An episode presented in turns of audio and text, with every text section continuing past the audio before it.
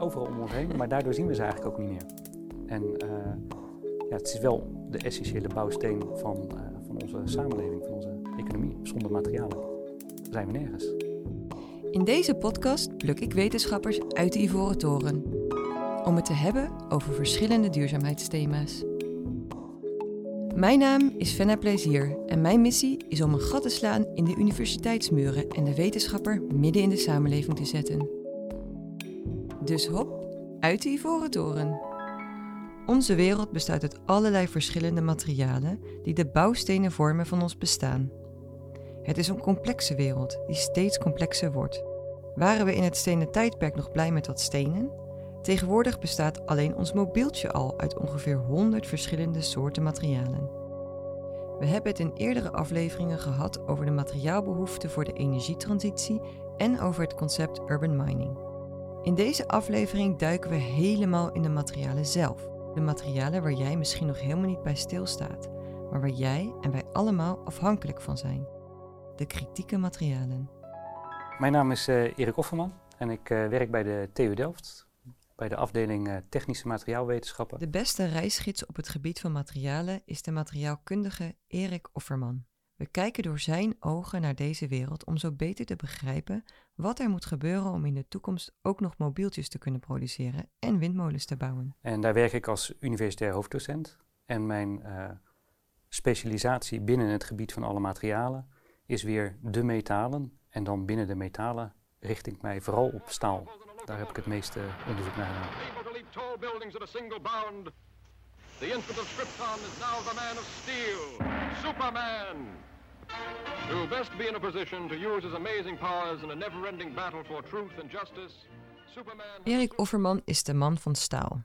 En dat niet alleen, hij is nu ook de man van de kritieke materialen. Onlangs verscheen namelijk zijn boek Critical Materials, dat goed werd ontvangen. Maar wanneer is een materiaal eigenlijk kritiek? Er zijn verschillende definities uh, in de omloop. Um, de Europese Unie bekijkt het vanuit uh, um, hoe economisch relevant uh, is het materiaal nou voor de Europese economie. En um, is er een risico op beperking van levering van de grondstoffen. En als je kijkt naar wat Tom Gradell van de Universiteit van Yale gedaan heeft. Die heeft daar eigenlijk nog een extra dimensie aan toegevoegd en die gaat over de impact op het milieu. Dus um, ja, kritische materialen kan je op verschillende manieren definiëren, maar grofweg gaat het allemaal wel om um, economisch belang en risico op beperking van levering van grondstoffen. En al dan niet nog met een derde dimensie erbij die over het milieu gaat. Wat een kritiek materiaal is, dat wordt dus bepaald door de economische belangen en de afhankelijkheid van levering. Omdat deze factoren kunnen veranderen, veranderen natuurlijk ook de lijsten van kritieke materialen. En die lijsten worden op verschillende niveaus samengesteld. Ja, er zijn uh, um, meerdere uh, lijsten van kritieke materialen. Um, de Europese Unie heeft er één gemaakt, maar de Verenigde Staten heeft er ook één. Uh, Japan heeft er één en China heeft ook iets dergelijks opgesteld van voor dat continent of dat land, dit zijn de kritieke materialen. Daar, die zijn belangrijk voor de economie en we zijn afhankelijk van andere landen voor de levering daarvan. En zo'nzelfde analyse kan je ook maken op, op bedrijfsniveau. Hè. Internationaal opererende bedrijven zullen een andere lijst van kritieke materialen hebben. Ik vroeg me af waarom hij het nodig vond dat dit boek er kwam. Ja, ik vond het belangrijk dat er een boek kwam over critical materials, over kritieke materialen. Omdat ik me eigenlijk wel zorgen maak over um, ja, de toekomstige levering van materialen. Hè. Kunnen we ook in de toekomst voor iedereen nog uh, genoeg materialen hebben? Um, of zit daar toch ergens een beperking? En vooral de studies van het uh, uh, International Resource Panel van de Verenigde Naties, die lieten zien dat in het jaar 2050 de verwachting is dat we tenminste drie keer zoveel grondstoffen nodig hebben als dat we nu, en nu is dan gedefinieerd in het jaar 2000, uh, als gemiddelde Europeaan nodig hadden. Dus als je dat doortrekt, als je hetzelfde niveau van um, welvaart en materiaalbehoeften die daarmee gepaard gaat, als je dat doortrekt naar de toekomst en naar de hele wereldbevolking, dan heb je drie keer zoveel materialen nodig, tenminste. En ja, waar ga je die vandaan halen? Want het is nu al um, een enorme uh, belasting voor het milieu en Er zitten allemaal geopolitieke factoren aan vast. Van, hè, het ene land produceert uh, bepaalde kritische materialen die Europa bijvoorbeeld nodig heeft. En daar ben je afhankelijk van uh, de levering geworden.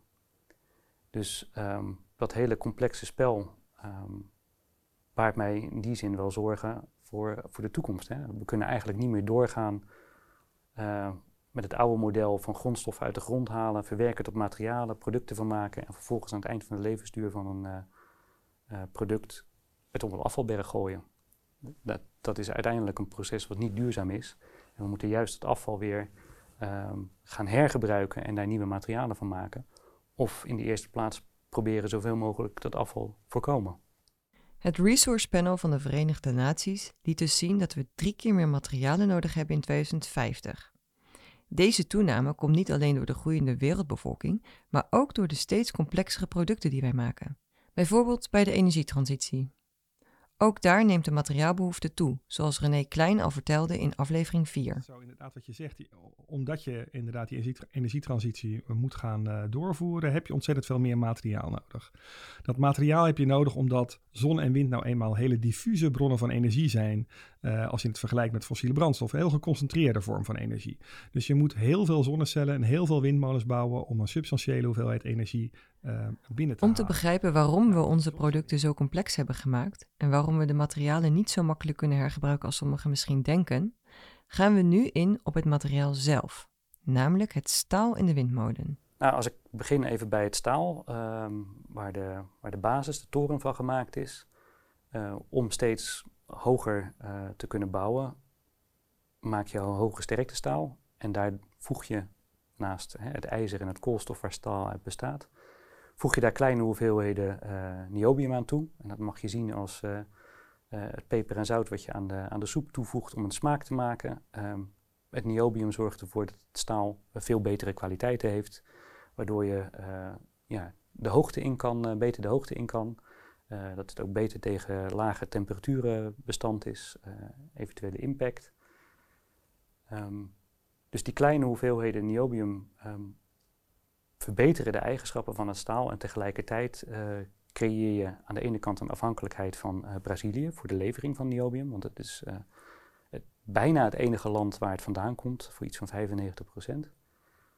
En tegelijkertijd um, maak je ook het recyclen moeilijker, want ja, als je een snufje niobium toevoegt aan staal en je gaat het vervolgens mengen met andere staalsoorten die aan het eind van hun levensduur terecht zijn gekomen, dan verdun je eigenlijk dat uh, niobium. Hè? Dus de, de, peper en zout die je aan de soep hebt toegevoegd, als je er maar heel veel water bij doet, uh, dan merk je de kruiden niet meer die je toegevoegd hebt. En dat is een van de problemen om, en dan heb je het wel gerecycled, maar niet meer uh, even hoogwaardig. In de toren van de windmolen zit dus onder andere staal. Maar dat staal is geen zuiver materiaal. Het is materiaal met een smaakje en het smaakje heet niobium. Dit is een van de kritieke materialen, dus erg belangrijk voor onze economie. Maar hoe moet ik dit belangrijke materiaal voor mij zien? Uh, ja, niobium kan je vasthouden. Het is een, uh, um, een metaal. En in zuivere vorm uh, zie, zie, je het ook terug in het periodiek systeem van de elementen. Dus de hele wereld bestaat ja, grofweg uit 100 chemische elementen die gerangschikt zijn in het periodiek systeem van de elementen. En niobium is er daar één van. En uh, je kan brokjes niobium toevoegen aan uh, gesmolten staal. En op die manier legeer je het staal met niobium. En de legering wil dus zeggen um, dat het een, niet een zuiver metaal is, maar een metaal waar je elementen aan hebt toegevoegd om het meer smaak te geven, om het meer betere mechanische eigenschappen te geven. Het beste is dus om niet allerlei staalsoorten met verschillende elementen bij elkaar te gooien. Want gooi je het op een hoop, dan krijg je een soepsoortje. En dat is niet eens het enige probleem. Want ook al gooi je allezelfde staalsoorten bij elkaar, dan nog kan het niobium verdwijnen. Ja, dat is, dat is een van de problemen. En het andere is ook wel dat tijdens het omsmelten uh, kan je het eigenlijk door het smeltproces zelf uh, het niobium kwijtraken, omdat het oxideert en uh, naar uh, de slak toe uh, gaat. Ja, een, een, laten we zeggen, een, een oxide en dat noem je dan de slak. En elementen kunnen uit het staal daar naartoe bewegen. Of u nu wel of niet weet wat een slak is, belangrijk is om te onthouden dat er bij het omsmelten bepaalde materialen verdwijnen en door een reactie zich afscheiden van de rest van het staal. Je bent ze dan dus kwijt. En dat kwijtraken wil je natuurlijk voorkomen. Deze complexiteit maakt het lastig om producten her te gebruiken. Kon een boer in de 17e eeuw misschien nog zijn eigen windmolen fixen met wat hout en textiel? De windmolen van nu is niet meer zo makkelijk te repareren. Ja, die boer zal denk ik de, de windturbine niet zelf meer uh, uit elkaar gaan halen en onderdelen gaan, uh, gaan hergebruiken in andere uh, producten of misschien om weer een, een, een, nieuwe windturbine van te maken. Dus het, het feit dat producten veel complexer zijn geworden, maakt het ook inderdaad moeilijker om, um, als je die niet van tevoren over na hebt gedacht tenminste, om al die onderdelen her te gaan gebruiken. Dus er moet veel meer ontworpen worden met het idee dat je aan het eind van de rit, uh, eind van de levensduur, materialen en onderdelen van producten gaat hergebruiken. En dat zie ik wel als een enorme verandering in mijn vakgebied van de materiaalkunde. Dat um, in het verleden materialen eigenlijk altijd zijn ontworpen op uh, maximale uh, prestaties tegen minimale kosten. En dat er nu veel meer rekening wordt gehouden met wat betekent het voor het milieu. En kunnen we aan het eind van de levensduur die materialen uh, hergebruiken of niet. Hè? Sommige zijn echt niet geschikt om hergebruikt te worden, uh, andere wel. En weer andere kunnen heel goed hergebruikt worden. Een ommezwaai in het denken van de materiaalkunde. En dat heeft nogal wat voeten in de aarde. Ja, materialen maak je eigenlijk uit, uit de grondstoffen en die haal je dus uit de aarde. Um, en de elementen zijn de elementen uit het periodiek systeem waar, hè, dat zijn de grofweg 100 elementen waar alles van gemaakt is. Um, maar de manier waarop je die elementen bij elkaar voegt, um, ja, dat bepaalt wat voor materiaal je krijgt. Dus als we even weer naar het voorbeeld van staal kijken, dan hebben we uh, het element ijzer. En daar voegen we het element koolstof aan toe. En dat noemen we staal. En daar voegen we dan nog legeringselementen aan toe, zoals niobium uh, of mangaan. En dan uh, verbeteren de eigenschappen van dat staal. Dus als we het over staal hebben, heb je eigenlijk heel veel verschillende soorten staal, omdat je heel veel verschillende legeringselementen kan toevoegen in heel veel verschillende concentraties. En uh, nou, hetzelfde geldt voor uh, aluminiumlegeringen. Je hebt heel veel verschillende soorten aluminium. Uh, het aluminium voor de aluminiumfolie en het aluminium wat in vliegtuigen gebruikt wordt, zijn twee verschillende aluminiumlegeringen met verschillende eigenschappen. Terug naar het boek van Erik Offerman. In een case study ging hij op zoek naar het nieuwe niobium. Ik vroeg hem waarom hij juist hier onderzoek naar deed en of het hem gelukt is een vervangend element te vinden. Nou, het staat hoog uh, op de lijst uh, van kritieke materialen voor de Europese Unie. Um, het is ook uh, gerelateerd aan de productie van staal en daar heb ik mij toevallig gewijs in gespecialiseerd. Dus ik begrijp wat de rol is van het niobium in het staal. En als je begrijpt wat de rol is, kan je ook nadenken over, nou, is er een ander chemisch element wat die rol zou kunnen overnemen? Dus hoe je het niobium kunnen substitueren, vervangen door een alternatief materiaal, alternatief legeringselement? Ja, we hebben er één gevonden en dat is vanadium. maar dat komt dan heel mooi weer terug op je, op je vorige vraag. Ehm, veranderen de lijsten van kritieke materialen? Ja, inmiddels staat vanadium ook op de lijst van kritieke materialen van de Europese Unie. Uh, dus we hebben nou uh, het ene kritieke materiaal vervangen door het andere kritieke materiaal. Ja, en dat betekent dat ik weer verder moet naar andere materialen zoeken die een vervanging zijn en niet, hopelijk ook in de toekomst niet op de, de lijst van kritieke materialen komt te staan. Het nieuwe niobium heet dus vanadium. Maar brengt Erik ons nu van de regen in het drup? Want wat hebben we aan een vervanging als deze inmiddels ook al op de lijst van kritieke materialen staat? Nou, zo zou je het ene, aan de ene kant wel kunnen zien. En aan de andere kant zou je kunnen zeggen, um, voor wat betreft in ieder geval die geopolitieke factoren, kan je, um, hoe meer alternatieven je hebt, hoe makkelijker je kan inspelen op uh, wisselingen uh, op, op het wereldtoneel. Um, ik denk dat wat veel interessanter is, is uh, die langetermijnvisie die ja, minder af, he, meer losstaat van de geopolitieke factoren, maar gewoon het het probleem dat we meer materialen nodig gaan hebben in de toekomst en dat we duurzamer, hè, dat we niet, die, die milieubelasting die moet gewoon omlaag bij de productie van materialen, dat we daar met elkaar aan gaan werken. Dat is veel belangrijker. Ja. Ik snap dat de, dat de geopolitiek op korte termijn uh, acuut is en urgent is, maar ook die langere termijnvisie moeten we niet uit het oog verliezen. En we hebben de tijd nodig om verandering te brengen. Maar het kan ook anders. Je kan de functionaliteiten van de materialen ook op een andere manier manipuleren dan met legeringselementen. Ja, ik denk dat um, het materiaal vooral ontworpen moet worden um, op hergebruik en op recycling. Ja, maak geen materialen waarvan je eigenlijk bijvoorbeeld al weet dat uh, als je ze wil uh, hè, omsmelten, uh, dat ze dan verbranden in plaats van dat je een een, zoals bij een metaal ehm, een, eh, het kan omsmelten. Je maakt het jezelf ook een stuk makkelijker als je eh, de complexiteit eh, minder maakt. Hè. Het materiaalsysteem eigenlijk vereenvoudigt. En als je minder legeringselementen toevoegt aan metalen, maak je het uiteindelijk in, de, in het stadium van het recyclen maak je het eenvoudiger. Want ook al zou je dan nog verschillende materialen, verschillende aluminiumlegeringen bij elkaar voegen, um, de kans dat je een ongewenste interactie tussen legeringselementen krijgt, neemt af. En ik denk dus dat we, dat we een, ja, wel een nieuw materialensysteem kunnen ontwerpen op basis van minder, als ik het even beperk tot metalen, op basis van minder legeringselementen, verschillende soorten elementen uit het periodiek systeem. En dat we meer gaan doen met de microstructuur van het materiaal. Dus als, we, als we meer beheersing krijgen over de uh, korrelgrootte uh, van het materiaal, als we beter eh, ja, de, dislocaties in het materiaal kunnen beheersen, de precipitaten.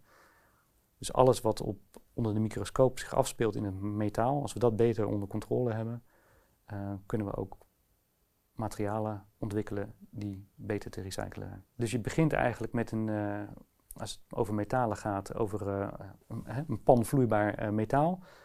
Daar voeg je een paar legeringselementen aan toe. En vervolgens ga je afkoelen. En de snelheid waarmee je afkoelt, en of je nog deformatiestappen toevoegt, dus of je nog gaat walsen bijvoorbeeld, of extruderen. En met welke snelheid je gaat walsen, met welke krachten je gaat walsen, dat bepaalt uiteindelijk hoe die microstructuur zich ontwikkelt. En je kan, uh, als voorbeeld, hè, je kan uh, een metaal kan je heel veel sterker maken door er heel veel legeringselementen aan toe te voegen. Of je kan zorgen dat de kristallen heel klein worden. En als je de kristallen heel klein maakt, ja, dat maakt voor het recyclen uiteindelijk niet uit. Maar als je er veel meer legeringselementen aan toevoegt, ja, dat maakt voor het recyclen wel uit. Dus je vervangt eigenlijk de chemie door uh, de microstructuurbeheersing. We walsen zo 1, 2, 3 over de materialen heen om ze sterker te maken, zonder dat we het metaforische zout en peper hoeven toe te voegen. Erik noemde eerder dat zijn discipline een enorme ommezwaai moet maken, van goedkope en efficiënte materialen naar herbruikbare materialen. Ja, dat is natuurlijk een enorme uitdaging om het hele materialensysteem eigenlijk opnieuw te ontwerpen, waarbij je die impact op het milieu ook mee gaat nemen.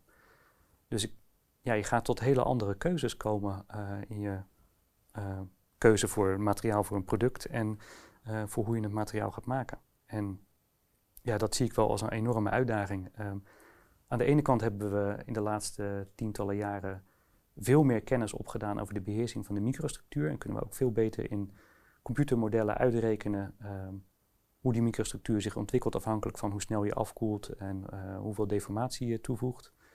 Uh, en we hebben veel meer uh, experimentele technieken in, in, onze handen, waar we tot op het niveau van individuele atomen kunnen zien hoe die microstructuur in elkaar zit.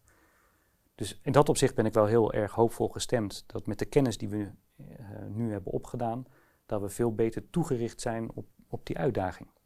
Maar dan nog is het wel een hoop werk. Nog een hoop werk, terwijl de vraag naar materialen met ongekende snelheid groeit. De Rijksoverheid heeft als doel om in 2050 helemaal circulair te zijn. Is dat wel mogelijk? Want hoe lang hebben we nog nodig om het hele materialensysteem opnieuw te ontwerpen? Ja, dat vind ik natuurlijk moeilijk om in te schatten, maar um, het zou me niet verbazen als we 100 jaar verder zijn. ik hoor natuurlijk wel in de politiek dat er vaak uh, aandacht is voor uh, klimaat wordt genoemd.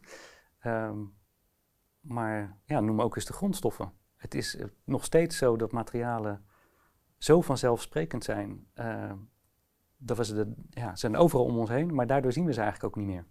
En ja, het is wel de essentiële bouwsteen van, van onze samenleving, van onze economie. Zonder materialen zijn we nergens.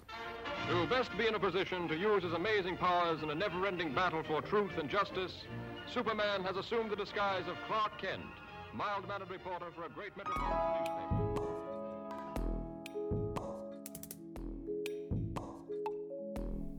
Deze podcast is gemaakt door Venna Plezier voor het Leiden Delft Erasmus Center for Sustainability. Eindproductie en sounddesign door Michiel van Poelgeest van Klank. Namens de universiteiten Leiden, Delft en Erasmus dank ik onze gast van vandaag. Tot de volgende uit de Ivoren Toren.